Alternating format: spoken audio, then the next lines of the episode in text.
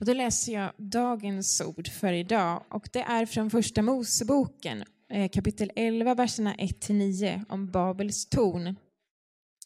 Hela jorden hade ett enda språk och samma ord. Men när människorna bröt upp och drog väst, österut fann de en lågslätt i Sinars land och bosatte sig där. De sa till varandra, kom så slår vi tegel och bränner det. Teglet använde de som sten och som murbruk använde de jordbäck. Och de sa, kom så bygger vi oss en stad och ett torn som har spetsen upp i himlen. Låt oss göra ett, oss ett namn så att vi inte sprids över hela jorden. Då steg Herren ner för att se på staden och tornet som människorna byggde. Och Herren sa, se, det är ett enda folk och de har ett enda språk. Detta är deras första tilltag och härefter ska ingenting vara omöjligt för vad de än beslutar sig för. Låt oss stiga ner och förbistra deras språk så att den ena inte förstår vad den andra säger. Så spred Herren ut dem därifrån över hela jorden att de måste upphöra att bygga på staden. Den fick namnet Babel eftersom Herren där förbistrade hela jordens språk och därifrån spred han ut dem över hela jorden. Det var Guds ord till oss idag. Varsågoda och sitt och välkommen fram John Ted. Tack så mycket.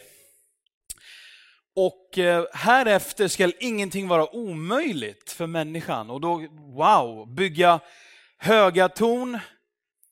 Eh, det påminner mig om i, i fredags, så när som i fredags, då i mitt jobb så fick jag möjligheten att hänga på en sån här eh, chefsgrupp som vi jobbar med. Alltså vi, man kan kalla att vi bygger connect-grupper inom näringslivet. Vi får makes people talk, vi får chefer att träffa varandra. Och så hängde jag med en sån här chefsgrupp, kommunikationschefer, och de skulle göra studiebesök på ingen mindre plats än eh, Citybanan. Alltså den som byggs nu, den som där pendeltågen kommer. kommer. Och, och så fick vi åka en buss ner i en tunnel ungefär 50 meter ner i marken. Det låter inte så mycket, men det är typ ett och ett halvt höghus, bara rätt ner. Och, eh, och där har de byggt sjuka utrymmen. Alltså de har sprängt i berget under en huvudstad. Och jobbat, kört upp massor på nätterna och jobbat och sprängt på dagarna. Helt otroligt. Jag, jag, man, man blir så imponerad över människans tilltag på något sätt. Alltså det, det finns en otrolig uppfinningsrikedom som Gud har lagt ner i människan. Så det var ett jättekul eh, studiebesök vi fick göra i fredags. Så det är inte det jag ska tala om nu. Men det här med att bygga torn. Bara kolla lite på det. Vi ser om vi har någon bild här på, på, på höga hus som finns. Kingdom Tower finns ännu inte, men eh, det projekteras och det planeras för fullt för detta. Burj Khalifa nummer två då ifrån vänster som finns i Dubai som är nästan 900 meter högt. Ja, sen är det i Shanghai 490 meter, i eh, Hongkong så är det 454 meter ICC där. Dubai Towers är på 445 meter och så vidare. och så vidare. Empire State Building är på nästan 400, 381 meter. Och Det här med höga, höga torn, alltså, på något sätt så är det någonting som människan gillar. Och det längst ut där till, vad blir det, vänster blir det för er. Det, det är ju det som då kommer att slå nytt rekord och sätta sig i Guinness rekordbok. Och, och det som jag kommer tala om idag, det är just det här, äh, människan är så sugen på att skapa någonting stort och maffigt och sätta ett avtryck efter sig. Att eh, man vill bygga, eh, man vill liksom, vem det nu var som ni har varit där, eller hur? Daniel och Linda, i Burj Khalif. Det var väl någon, någon rik prins eller någon oljeshejk som bestämde sig för att sätta Dubai på kartan. För nu är det då världens högsta byggnad just där. Och det här är människan i ett nötskal. Jag ska bara ta lite kuriosa. Den räknas bli över tusen meter. Det är min dotter. Hej och välkommen. Eh. Tänk er hörni att eh, den kommer få 200 våningar. Ja, och för den som inte är så höjdrädd så kan man gå ut på ett utsiktsplatå liksom, på num- våning 167. det är helt sjukt. Är det. I, I Dubai, alltså i Burj Khalifa, den nuvarande högsta, så pumpade byggnadsarbetarna motsvarande 6 miljoner, jag vet inte hur mycket ens det här är, 6 miljoner kubikfot betong nattetid. För dagtid gick det inte, då var det andra saker som hände. Och kostnaden beräknas till en miljard, eller nu ska vi se här, 1,23 miljarder dollar. Det är sjuka pengar, det är sjuka byggen, det är sjuka insatser och det handlar egentligen om att bräcka varandra. Grannstaten Dubai, ah, ah alltså de ska nog inte få det högsta, utan nu ska Saudiarabien visa vart byggnaden ska stå. Så är det. Vi har kommit till eh, Babels torn. Vi har kommit till den eh, nionde delen i Genesis och eh, det är kapitel 11. Och det handlar om urhistorien. Vi har alltså, so far så har vi gått igenom skapelsen. Vi, vi, har, vi har gått igenom det som Bibeln kallar för urhistorien. Sen från och med kapitel 12 och framåt så kommer vi att, att titta på Abraham och eh, Guds förbundsfolk och så vidare. Så på något sätt så blir det här en liten closure över just urhistorien och så får vi se vart det tar vid nästa vecka.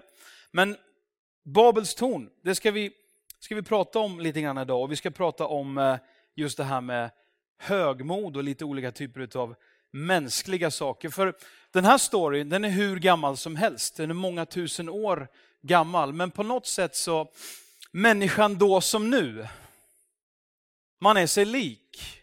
Det handlar om att, eh, lite grann, jag, jag, talar, jag ska tala lite förenklat men samtidigt ska jag tala på ett, eh, ja, på ett genomtänkt sätt.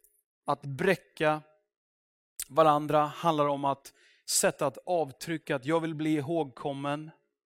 Jag vill eh, göra mig lik Gud, jag vill bygga ett torn upp till himlen och så vidare. Det är det vi ska prata om lite grann. Eh, den här första delen, de elva första kapitlen, hinner gå igenom faktiskt tre universella domar. Och eh, som Gud dömer alltså, både människa och skapelse. Den första domen, det är ju eh, själva fallet som Adam och Eva trasslade till sig. Alltså hur Gud då dömer och vi pratar om att man fick, blev förvisade från Edens lustgård. Och, ja, det hände absolut konsekvenser. En annan dom vi kan läsa om det är det här med syndafloden som Daniel predikade om förra veckan. Om Noas ark och så vidare. Men där, i den storyn som är ganska på ett sätt brutal och, och mörk så visas också givetvis Guds absoluta tanke att rädda skapelsen och det finns en plan för mänskligheten. Och Det här är en dom som vi ser nu i, eh, i Babels torn, alltså historien om Babels torn i kapitel 11. Om, och, och vad är domen? Jo, språkförbistring. För man hade ett språk och man hade på, på det sättet en enhet. Och här kommer då Gud ner och gör någonting. Ser ni det? Vad innebär högmod? Um, finns säkert många svar på det, men att själv ta äran för något som Gud bör äras för. Eller att själv försöka bli som Gud utan Gud. Högmod, att göra sig lik den högste. Att eh, försöka ta hans plats. Att inte ge Gud äran. Och det här är ju... Vi lever ju i 2015 och eh, det finns ett eh, jätteströmmande utav då kultur, utav hur vi eh, ser på det här med att ta ära eller ge ära och så vidare. Och det, det är ju främmande att inte försöka roffa åt sig och ta åt sig ära. Alltså, har jag gjort något? Har jag skrivit något? Har jag uträttat något? Har jag byggt upp någonting fint? Har jag byggt ett företag eller ett, en fin familj eller någonting? Det är klart att på något sätt så vill man ju också ta åt sig lite ära. Och det är egentligen, alltså det är inget konstigt med det. Det är inget konstigt. Vi lever i en sån tid. Det är främmande att inte ta åt sig ära. Det är främmande. Det, det upplevs främmande och kanske lite eh, ovanligt. Och, eh, vi promotar och vi hyllar framgångsrika personer. Och ibland så hyllar vi även personer som inte gjort ett smack. Ställ upp i en eh, dokusåpa och bete dig dåligt i tv. Så det kan man också bli känd för, eller hur? Och, och, och ära vet jag inte, men, eh, men vi vill kunna säga det. Och jag, menar, jag, jag stryker under på det, jag tror vi alla känner så. Man vill kunna säga så här, I did it, jag gjorde det. Det här är lite grann av mitt verk och, och det blev så här bra. Jag, jag, jag har verkligen jobbat ska ni veta. Jag har verkligen jobbat med eh, mitt företag och det har varit väldigt många timmar per dygn. Och, och det har kostat både det ena och det andra, kanske, kanske kostat familj och kostat fritid. Men, och så, så liksom, men så vill man ta emot kön av gratulanter som säger Well done, du har satt ett exempel för våran tid, bra jobbat. Och så, så får man ta åt sig ära. Det är någonting som vi är vana vid. Är ni med? Och så vill man på något sätt avsluta livet när man sitter på ålderns höst. Och så, så tycker man att jag har, eh, jag har ändå uträttat något. Och det här är viktigt för oss. Att man vill känna att man har gjort något. Jag skulle kunna prata med dig idag om någonting som jag, och nu är jag, nu är jag utanför mitt utkast, men någonting som jag bara erfar idag. Jag, jag pratar lite med, runt sådär. Jag inser att det är någonting som händer när man kommer upp i en 40-årskris. I'm not there. eh, utan eh, det är andra som är. Men vad är en 40-årskris och vad är en 50-årskris? Jo, det handlar om att man får kris över att vad har jag gjort med mitt liv? En, en, kanske en kvinna, en mamma som har liksom på något sätt ba, eh, hon har fött barn och ammat barn och varit hemma och tagit hand om disk och liksom gubben kommer hem och han har jobbat och fått träffa stimulerande människor. Och så, så har mamman bara varit hemma och så bara, oh, så får hon bara, jag får panik, jag har inte, jag har inte gjort någonting. Och så, så blir det kris och så ska man bryta sig loss ifrån någonting och så, så kanske man också tappar det som man faktiskt håller på att bygga upp. Det är jättetråkigt att se. Eller gubben som fyller 50 som köper sig en Porsche.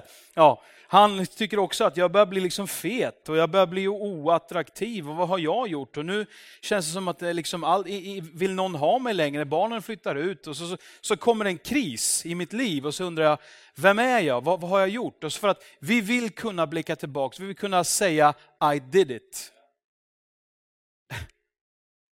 Ja, det är bra. Så mm, det här var min inledning, vi får se hur mycket jag hinner. Vi ska titta på dagens text utifrån tre punkter. Och Det handlar om människans högmod och eh, det handlar om eh, Gud stiger ner, en ironi som jag ska försöka att måla ut lite. Och den tredje punkten, Gud räddar människan. Den nådefulla domen. Okej, okay, första punkten, människans hög, eh, högmod och det här uppenbara problemet. Första Mosebok 11 så läser jag. Hela jorden hade ett enda språk och samma ord. Men när människorna bröt upp och drog österut så fann, fann de en lågslätt i Sinars land. Och de bosatte sig där. Och de sa till varandra, kom så slår vi tegel och bränner det och teglet använde de som sten och som murbruk använde de jordbäck och de sa, kom så bygger vi oss en stad och ett torn som har spetsen uppe i himlen. Låt oss göra oss ett namn så att vi inte sprids ut över jorden. Och här ser vi då att efter Noa och efter floden så började mänskligheten om. Och eh, man hade ett gemensamt språk och folket drog österut och de bosatte sig i Sinars land och nuvarande Irak, tror man att det handlar om. Och de kom fram till att de skulle bygga ett högt torn och de skulle bygga en stad. Och det här är ju liksom inte alls, det, det är inget fel på något sätt i det, men självklart så finns det ju saker och ting i texten och kanske bakomliggande. De skulle alltså bygga ett torn. Och det här är vi överens om att det är inget fel i att bygga ett torn eller bygga en stad. Men om man då börjar kika på vad, var motivet? Vad var drivkraften bakom att bygga det här tornet? Så, så står det så här. Låt oss göra ett namn. De ville bli erkända och ihågkomna. De eh, ville lämna ett arv efter sig så att de inte skulle bli bortglömda. Och de ville göra, ja, för att upprepa mig en fjärde gång, något anmärkningsvärt. Just så att vi ska komma ihåg er och ni var ett lite speciellt bra folk. Och Skillnaden mellan Gud och människor, det här med att ge ära. Är det fel att ge ära alltid till människor? Nej, det är det absolut inte. Och jag ska inte ens gå in på det för att det är ju bara fånigt. Självklart så har det sin plats och sin rätt. Men skillnaden mellan Gud och människor, eh, den är enorm. Alltså, historien har allt för många gånger berättat för oss hur det blir när människan får för mycket ära. Det leder oftast någon vart till diktatur, mass, maktmissbruk, avundsjuka, våld, krig. Det, det, det blir allt som oftast en förbannelse. När människan får ära så leder det till förbannelse. Och det är en enorm skillnad på när Gud får ära. När han bygger upp någonting, eller när, när vi sätter Gud på sin plats och vi ger Gud äran, när han helt enkelt upplåter sin egen ära. Så vad leder det till? Det leder till människors välsignelse. Till människors välgång, framgång, till därför att Gud, och det är det vi landar i, att den som skall få äran i början och i slutet, det är Gud. Och vi är hans skapelser, vi är hans barn. Vi, vi får lära oss att inte tillbe och dyrka och ge ära åt det skapade, utan åt skaparen.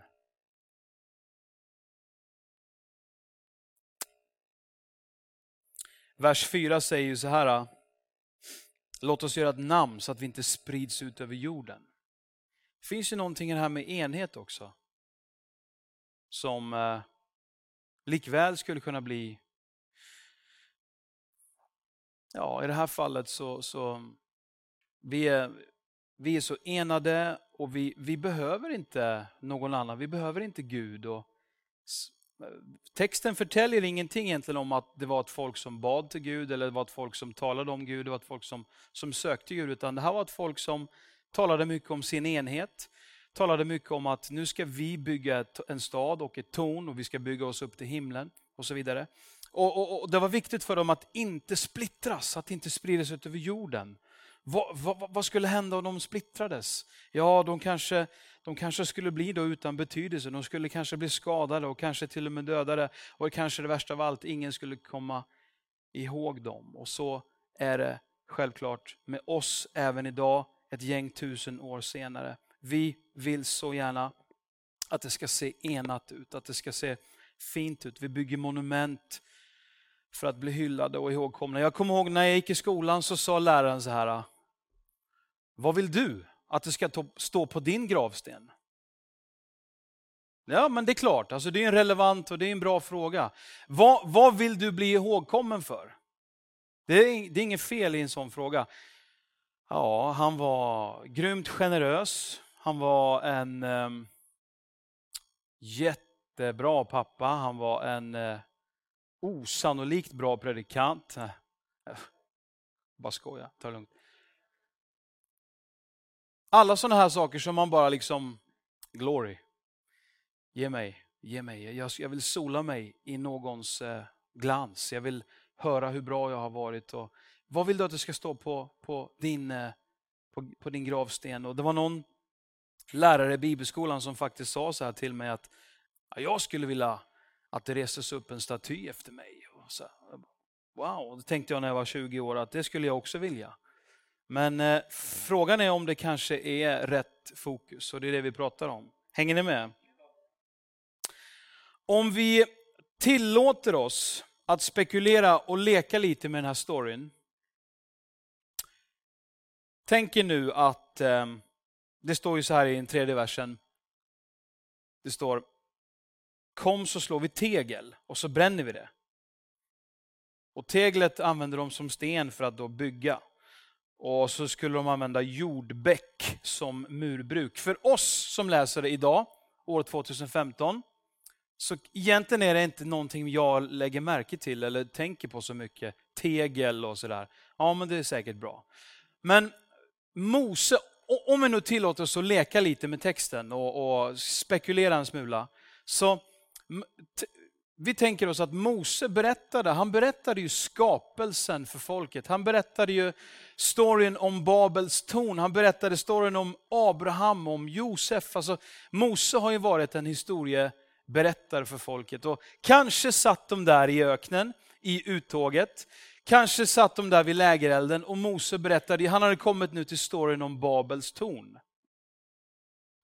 Och så, så berättade han om folket som skulle bygga sig ett torn och så, så, och så, så berättade han just om det här med, med tegelsten som de skulle bränna och så skulle de bygga ett torn. Och är det någonting som eh, man kunde i Egypten, där man har bott i 400 år som slavar, och man har byggt någonting i 400 års tid som slavar i Egypten. Man har ju byggt pyramider, man har varit fantastiskt duktiga torn, Byggare. Folket visste ju hur man bygger. Är ni med? Och när han säger tegel så började de fnissa förmodligen i lägret. Därför att, eh, och det här har jag då i efterhand läst mig till att det är absolut inget hållbart material som kommer att hålla, som vare sig eh, går bra att bygga på höjden eller, eller i längden, utan det handlar om, vi måste bygga på sten. Genuin sten, rock. Och det här, det blir lite sådär, äh, okej, okay. du och jag kanske gör samma misstag idag, 6000 år senare eller där kring.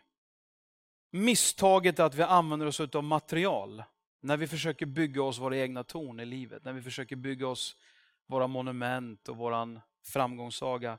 Vi bygger med material som är högst tillfälliga och som är dömda att misslyckas. Jesus han säger så här, samla inte egna skatter här på jorden.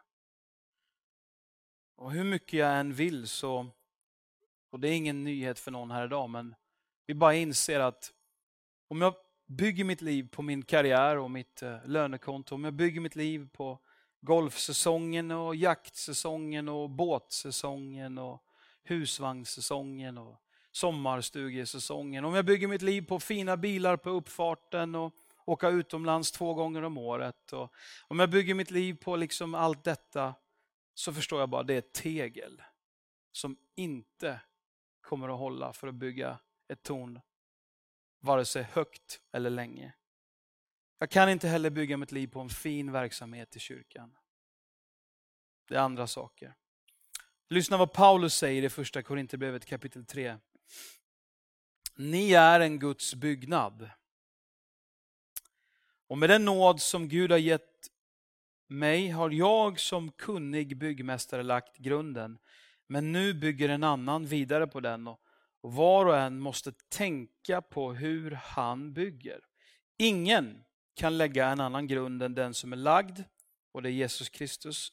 Om någon bygger på den grunden med, det här är intressant, du, du får ta med dig det och fundera på vidare sen, med den grunden med guld och silver och ädelstenar, eller Alltså man kan bygga sitt liv på lite olika sätt. Guld, silver, ädla stenar eller trä, hö och halm. Så, så skall det visa sig vad var och en har byggt. För den dagen ska visa det. För den uppenbaras i eld.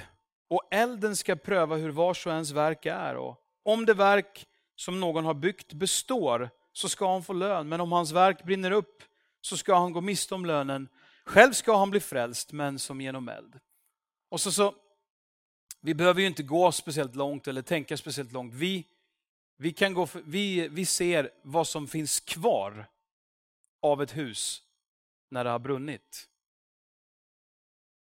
Det är ju stenen. Det är ju ja, skorstenen och lite olika saker. Men det är ju trä, hö och halm. Det brinner upp. Det blir aska. Det finns ingenting kvar. Men stenen finns kvar. Och en fråga bara till dig och mig, oavsett vart vi befinner oss, det är ju det här när. Det är inte frågan om, utan när. Liksom den dagen, när den stormen, när den elden uppenbaras i våra liv. När krisen kommer, när chocken och sorgen kommer. När elden far igenom våra liv. Är ni med? Så kommer saker att brinna upp och sen kommer också saker att bestå. Guld och silver och ädla stenar. Och det är en helt annan predikan om vad man skulle kunna kanske tänkas vara guld, silver och ädla stenar och bygga sina liv på. Men, men var kommer ur mig när någon klämmer mig riktigt hårt? Likt en eh, tub. Okej, okay. punkt nummer två. Orkar ni lite till? Gud stiger ner. Och ironin i det, att han stiger ner, den här texten, den pinsamma ironin. Det, det står, då steg Herren ner för att se på staden och tornet som människorna byggde. Fint. Kanske är det som så att vi är kvar nu i Mose när han sitter där vid lägerelden i öknen och berättar med folket. Han eh, har en liten touch av ironi när han berättar det här. Och fokuset kanske inte ligger egentligen så mycket på just synden, utan fokuset ligger på det dåraktiga i det här att man har en idé om att bygga sig torn som ska sträcka sig ända till himlen, att göra sig lik Gud. Det finns någonting dåraktigt i det hela. Och ironin som, ehm, som Gud och, och, och gänget, Gud kanske ropar sådär, ah, de, de håller på med något där nere. Gabriel, alltså en av änglarna, kan du se vad de gör där nere? Nej, jag, vänta, är det? Nej, jag ser inte. Nej, jag kan inte heller se vad det är de håller på med där nere. För det, det är ju lite grann, hur stort vi än och hur mycket vi än försöker, så kommer aldrig det att räcka till för att imponera på Gud. Det är en helt, ett helt annat tillvägagångssätt. Så det ironiska är att Gud stiger ner för att titta på vad människorna bygger. Poängen är tydligt ironisk. Människorna har tagit ifrån tårna. De kämpar och sliter och de bränner tegel i absolut turbospeed. Och det går fort. Och, och, och de ska bygga sig ett monument som ska utmärka dem från alla andra folk. Men Gud han kan inte ens se ifrån himlen vad det är de bygger. Så han är tvungen att komma ner och titta.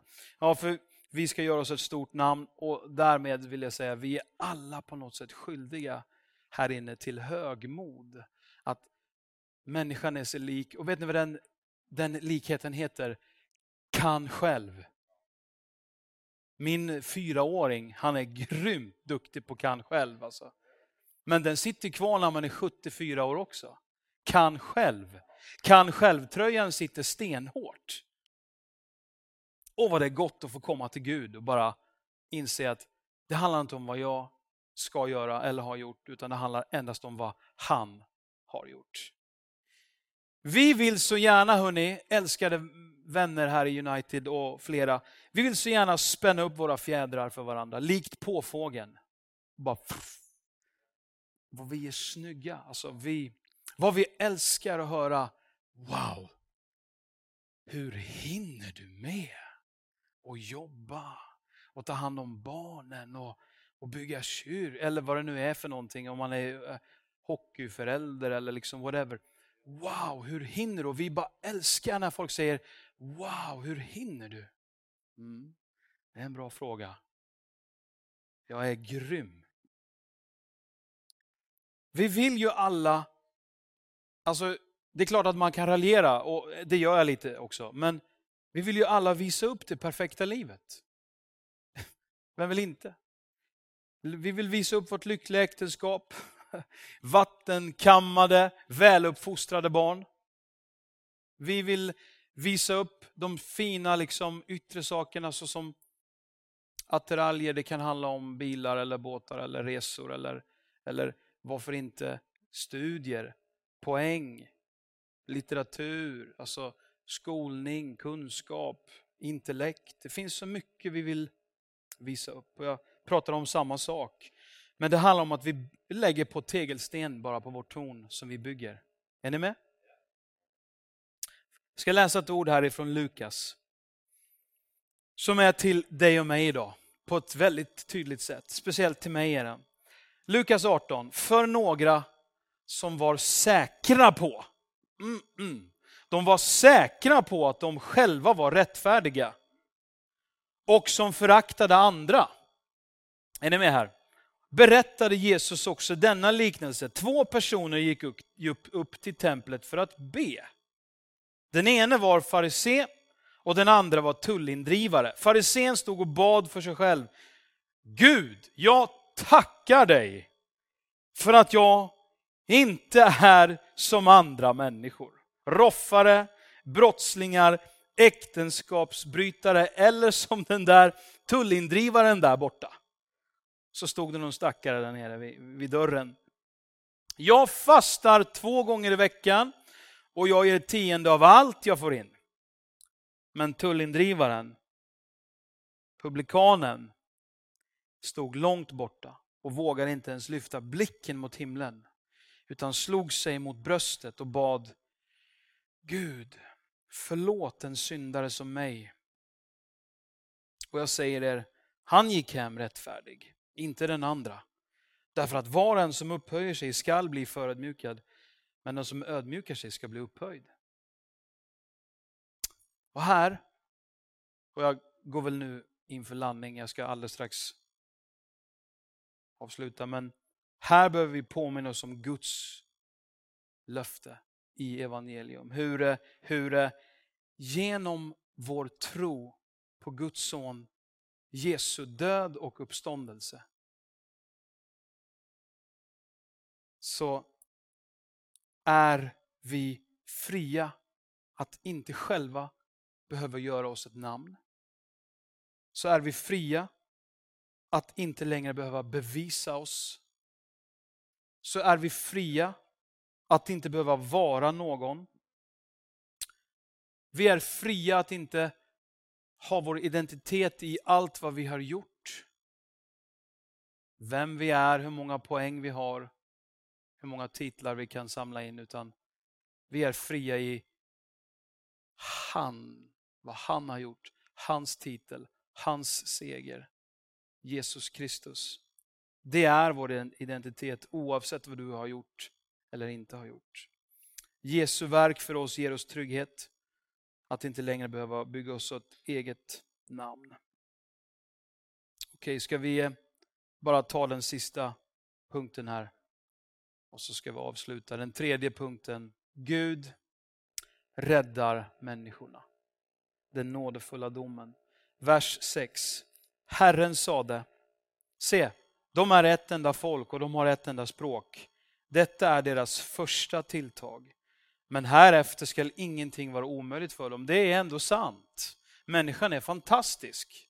Människan har en enorm driv och uppfinningsrikedom och innovation. Människan kan mycket. Eh, vad de än beslutar sig för. Låt oss stiga ner, säger Gud, och förbistra deras språk. Det kommer en dom. Låt oss stiga ner och förbistra deras språk så att den ene inte förstår vad den andra säger. Och så spred Herren ut dem därifrån över hela jorden och de måste upphöra att bygga på staden.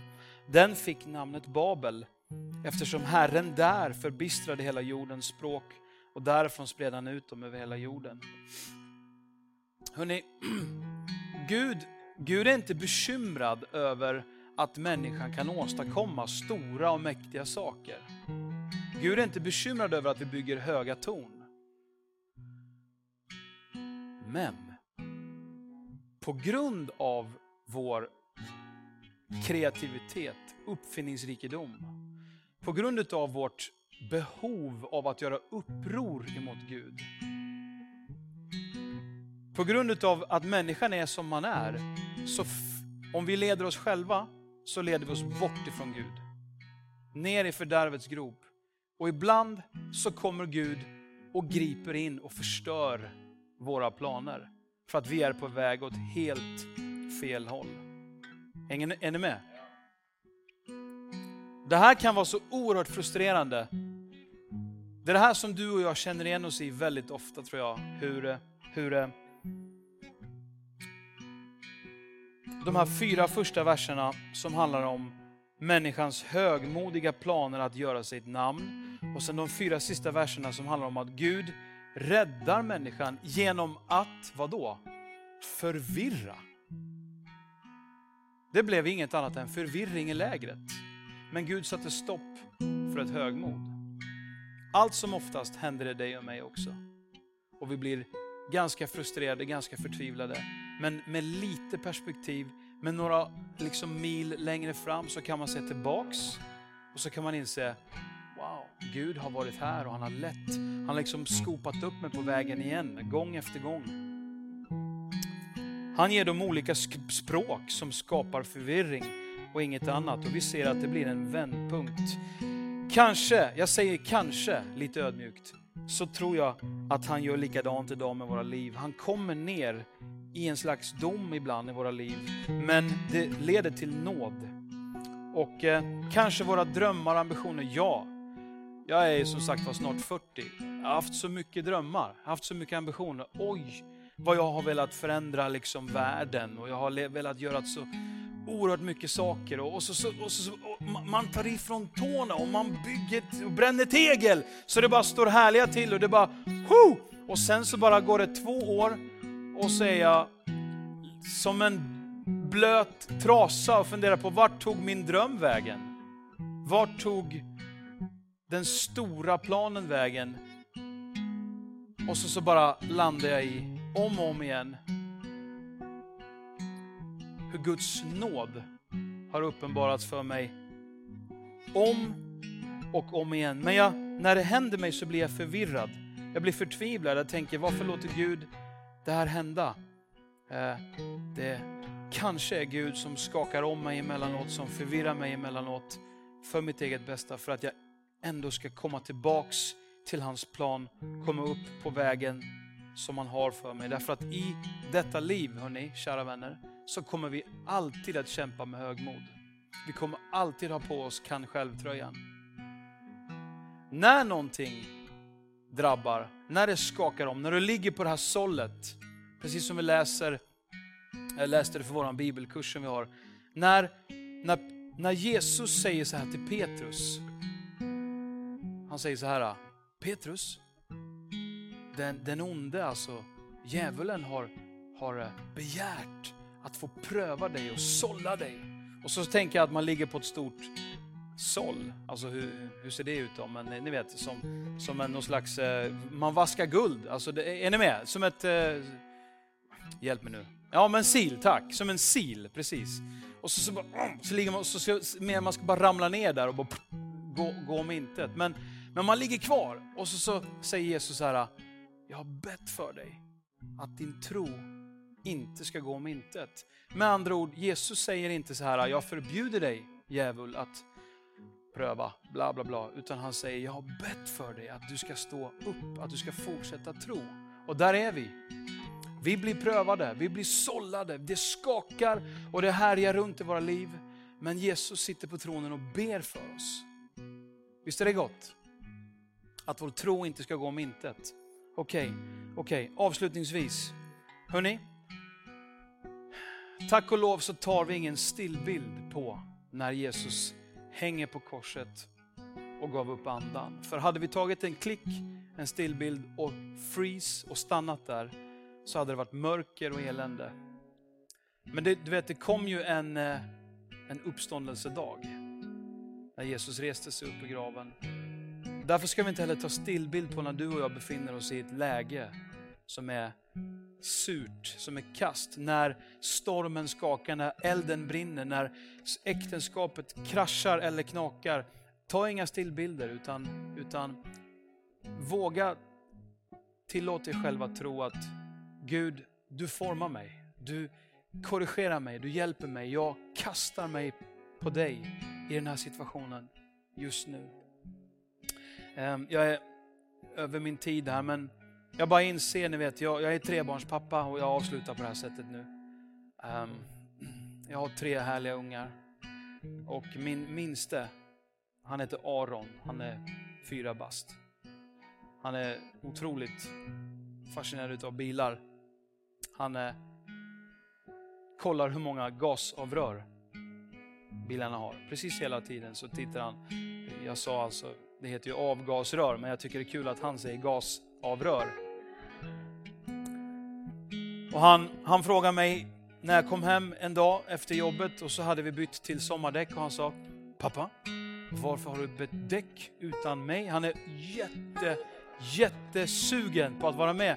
Och vet ni, det, här uppstår bilden för mig om Gud och människa. Eller liksom, för när Aron är med mig, när fyraåringen är med mig och ska tvätta bilen, det är inte lätt. Det blir inte bra. Kan själv. Han, han tappar tvättsvampen i gruset och så ska han och så, så upp och tvätta. Jag bara, nej. Ni vet, jag, jag bara inser att Gud han har sån otrolig nåd. Alltså, för Gud kan. Han har alla svar. Han har hela framtiden utstakad. Men ändå på något sätt så, och så, så bilden av mig och Aron, alltså jag, jag, liksom, jag låter Aron hållas nästan, förutom gruskonen och så vidare. Men Gud låter oss hållas. Gud låter oss tvätta bilen ibland helt fel. Han låter kanske oss bygga tegelstenar i våra liv.